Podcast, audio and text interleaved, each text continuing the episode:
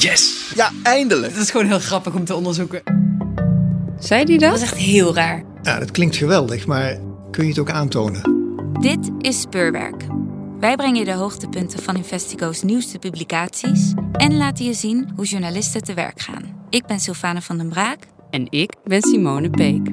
Deze aflevering gaat over.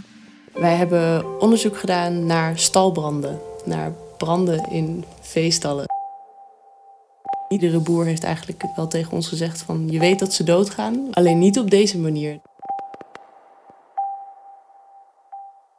Welkom. Allereerst moet ik zeggen dat Simone en ik vanwege de coronamaatregelen niet bij elkaar in één ruimte zitten. We zijn aan het skypen.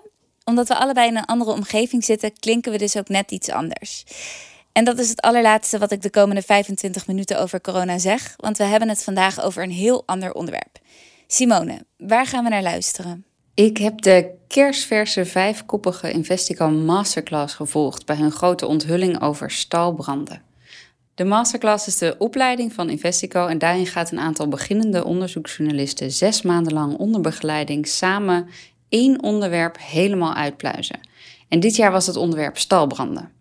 Ze vroegen zich af hoe vaak komt het nou voor en waar ontstaan ze door en welke stallen branden er dan het vaakst af. En hoewel stalbranden natuurlijk vaak in het nieuws komen, was het antwoord op deze vragen nog helemaal niet bekend. Maar nu dus wel. En dit jaar zaten in de masterclass Lotje van den Dungen, Adriaan Estrada, Michelle Salomons, Tan Tunali en Felix Voogd. Ze zijn begeleid door Investico's hoofdredacteur Jeroen Trommelen en zijn sidekick Thomas Muns. En ik wil nog niet te veel verklappen, maar ze hebben echt nieuws boven tafel gekregen. Oké, spannend. Laten we gaan luisteren. Ik heb uh, boeren die getroffen waren door een stalbrand heb ik opgebeld en gevraagd of we een keer met, met hun mochten praten. Je hoort Lotje van den Dungen. We zijn uh, op internet gaan kijken, lokale nieuwsberichten van wanneer er een stalbrand is geweest. En hebben we die uh, mensen opgebeld en gevraagd: Goh, we willen eigenlijk een keer het hele verhaal horen in plaats van er is een stalbrand geweest, er zijn zoveel dieren dood, de boer wil niet reageren. En toen hebben we gevraagd: willen jullie jullie verhaal aan ons vertellen?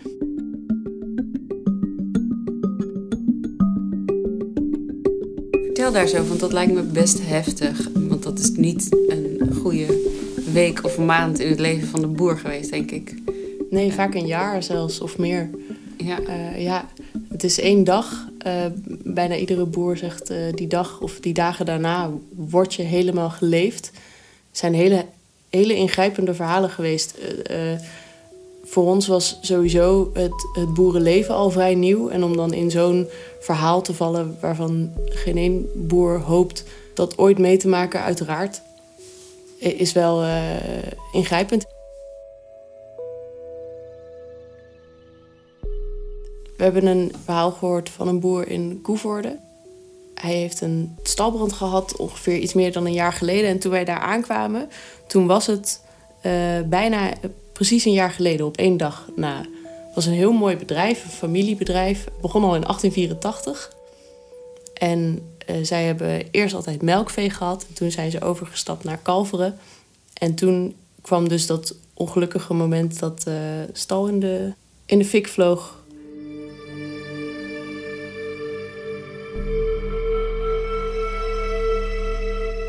Het was ochtends en het was tien uur ochtends en ze zouden eigenlijk hun kalveren gaan voeren. Ze hadden twee kalverstallen naast elkaar. Uh, in de ene zaten echt uh, jonkies en in de andere die al uh, nou, echt al een stuk groter waren. En toen zouden ze om tien uur gaan voeren, de, de vader en de oudste zoon. En ook zou om tien uur de, hun vaste veearts langskomen. Die, die kwam een klein kalf controleren of iets dergelijks. En de, de, de vader kwam buiten vanuit de keuken naar, naar buiten naar de, naar de stal gelopen. En toen stond zijn oudste zoon al met een brandblusser in de weer. De, de halve stal stond al in de fik.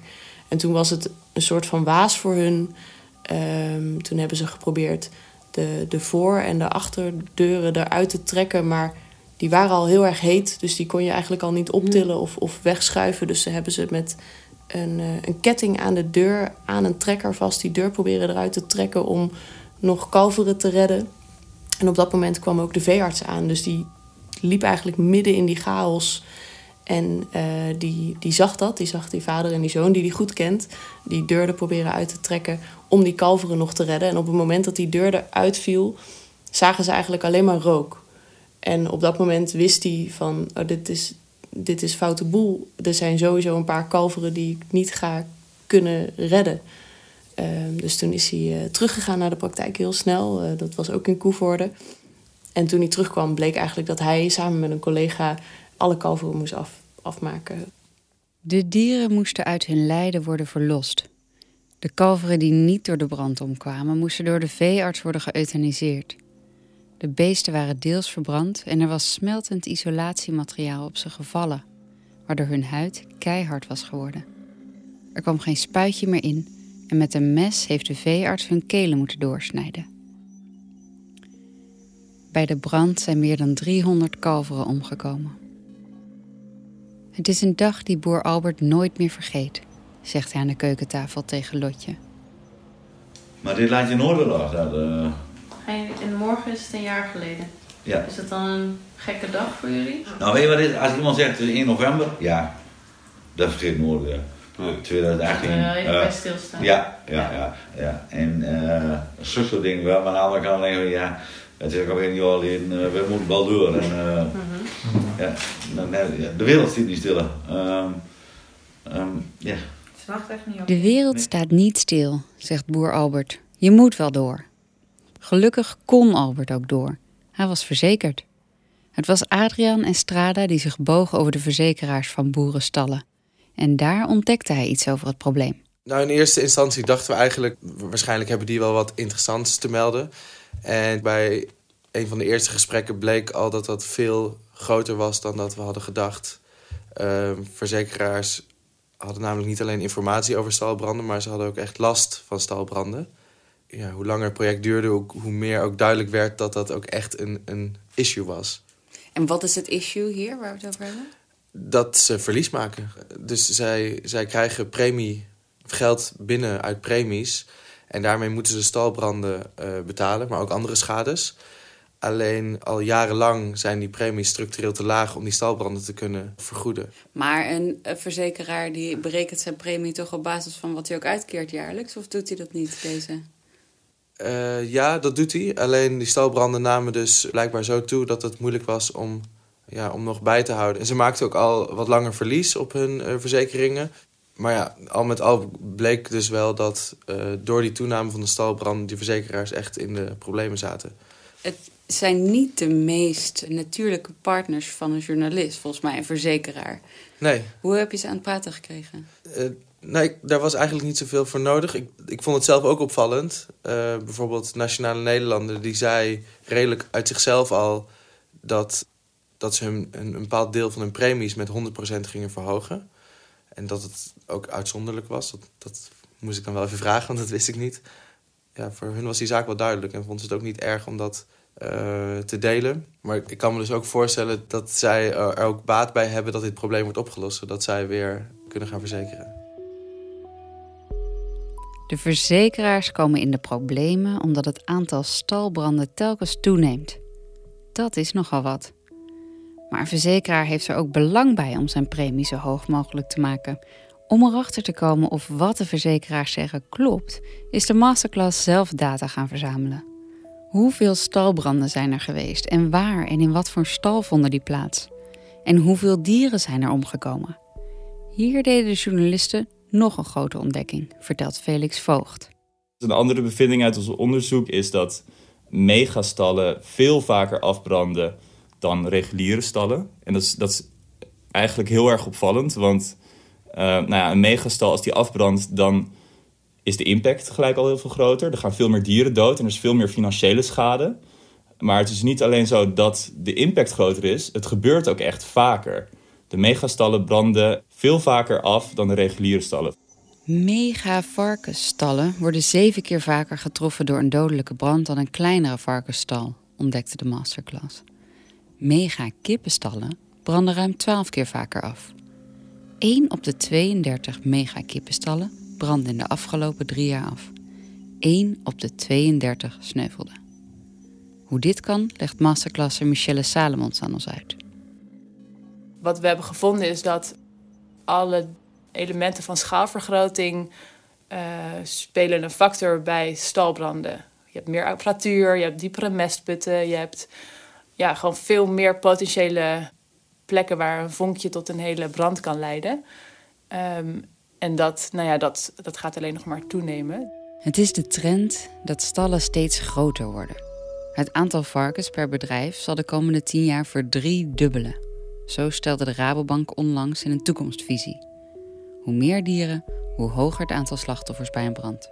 Valt dit dierenleed nog te voorkomen? Om echt iets te doen aan het dierenleed moet je eigenlijk voorkomen dat een brand überhaupt gebeurt. Maar daarvoor moet je weten wat de oorzaken zijn van de stalbranden. En eigenlijk in meer dan de helft van de stalbranden blijft de oorzaak onbekend. Dat is nog steeds zo. Ehm, daar is eigenlijk niet heel veel meer inzicht in gekomen.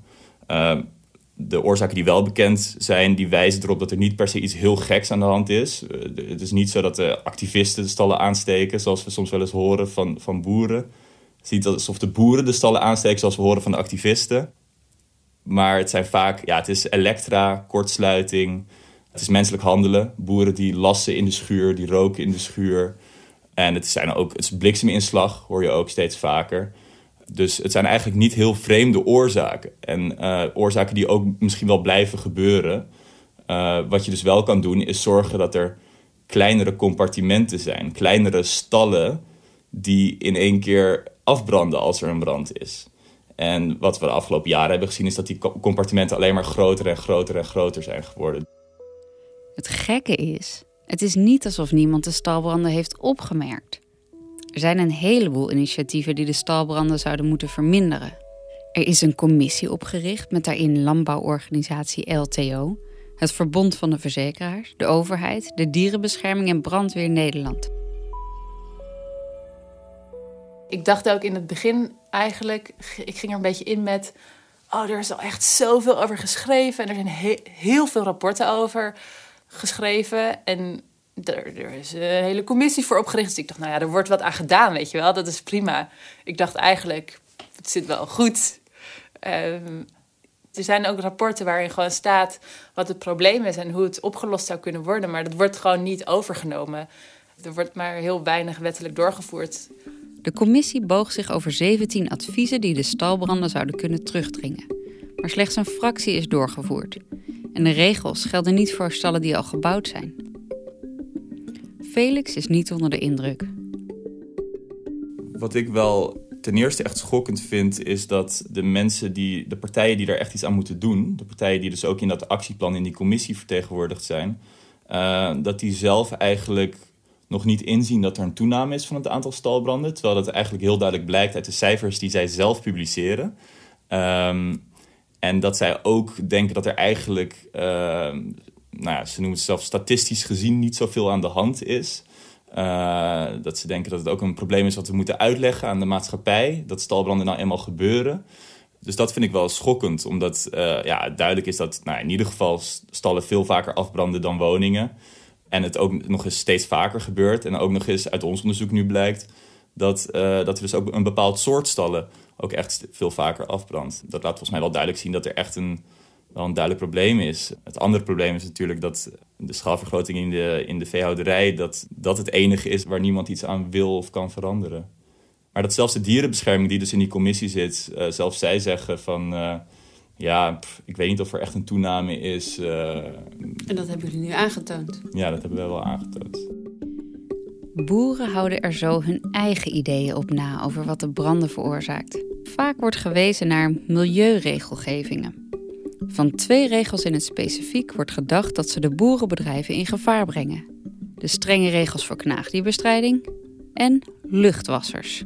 Tan Tunali boog zich over deze milieuregels. Hij vertelt wat het probleem is.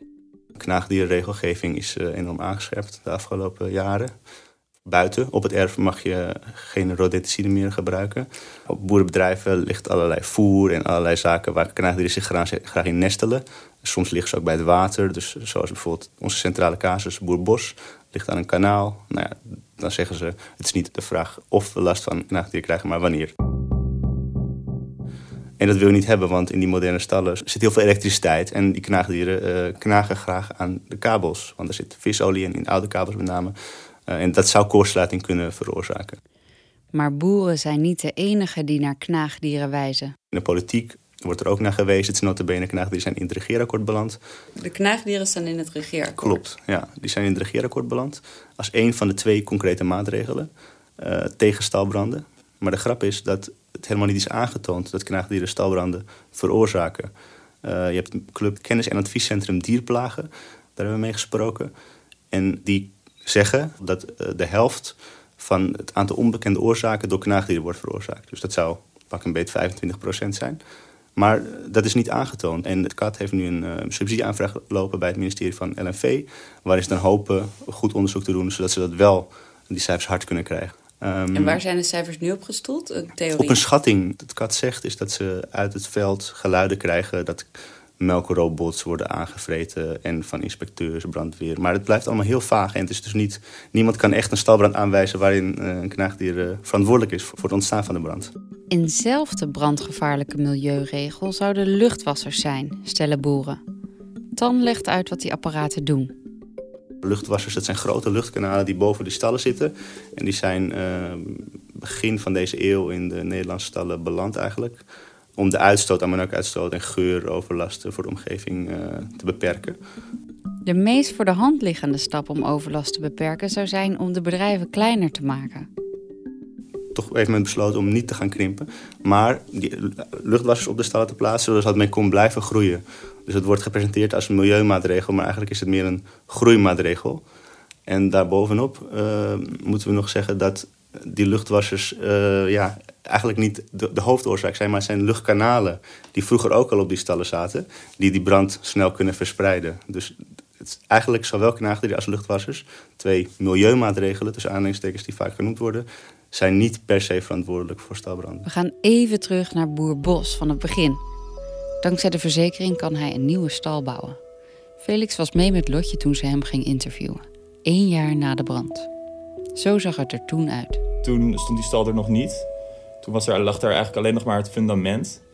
En wat wel uh, sprekend is, is dat hij dus daar de nieuwe stal ging bouwen. Maar die nieuwe stal ging hij wel anders bouwen dan, dan hoe die was. Hij wou nu echt een, um, ja, eigenlijk, ja, een hele moderne, hoogtechnologische stal bouwen. Waar ook luchtwassers op geïnstalleerd waren. Zodat zijn totale emissie op zijn bedrijf lager werd. Zodat hij in, in de toekomst nog een stal ernaast kon bouwen. En dat is ook wel wat volgens hem nodig is om, om um, ja, mee te kunnen doen op de wereldmarkt in de toekomst. Um, dus het is eigenlijk daarmee een heel sprekend voorbeeld van de steeds verdere schaalvergroting van de, van de veehouderij. Een conclusie van ons onderzoek is sowieso dat het een hele traumatische gebeurtenis is. En dat wat uh, sommige mensen ook uh, denken, sommige mensen denken dat boeren het zelf aansteken. Uh, of dat dierenactivisten het aansteken. Voor beide hebben we geen bewijs gevonden dat het zo is. Maar bij stalbranden zijn er eigenlijk alleen maar verliezers. Voor niemand is dit, is dit fijn, is dit goed, is dit financieel goed, is dit, dit is een, een, vreselijke gebeurtenis die voor niemand leuk is. Ik denk dat daarom, ik denk dat daarom boeren dat ook graag een keer uitgebreid aan ons zullen vertellen hoe dat nou precies in zijn gang gaat. En dat dit zo'n traumatische gebeurtenis is dat niemand dit wenst. Sommige branden zijn heel groot geweest, ook qua hoeveel dieren er zijn doodgegaan. Soms waren het 150.000 kippen en soms waren het 300 kalveren. Maar dat maakt het niet meer of minder erg, want het, is, het, zijn je dieren. En iedere boer heeft eigenlijk wel tegen ons gezegd van... je weet dat ze doodgaan, want dat is, het, dat is de industrie die, waarin je zit. Alleen niet op deze manier. Dat, het is nutteloos sterven en dat is, dat is vreselijk om te zien. En de machteloosheid die je hebt als zo'n, als zo'n stal in de fik staat. Ik vroeg Lotje wat ze bedoelde met machteloosheid. Er is toch juist een heleboel aan te doen? Nou, ik denk dat die machteloosheid vooral staat voor um, het niet bewust zijn dat de stal waar je jouw dieren in leven, waar je eigenlijk zelf ook iedere dag in werkt, dat die zo brandbaar is. Dat daar verschillende elementen in zitten, um, wordt, nou, nou, met het werk worden aangetast. Uh, bijvoorbeeld apparatuur uh, wordt aangetast door uh, de ammoniakuitstoot um, en veel branden beginnen, of veel warmtevorming, begint eigenlijk bij een klein vonkje in de combinatie met heel veel stof in die stal. En als er dan zo'n zo'n vonkje kan alleen maar plaatsvinden bij uh, kortsluiting, slechte apparatuur of dingen die worden aangetast. En het niet weten dat, dat er in zo'n stal eigenlijk heel veel brandbare elementen zitten, dat is denk ik wel waardoor je, als zo'n stal in de fik staat, helemaal machteloos bent en niks kan doen meer.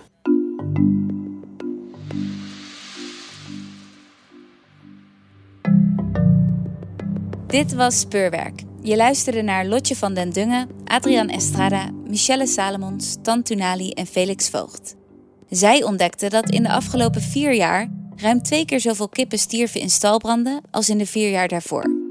Bij runderen en varkens was dat zelfs ruim drie keer zoveel.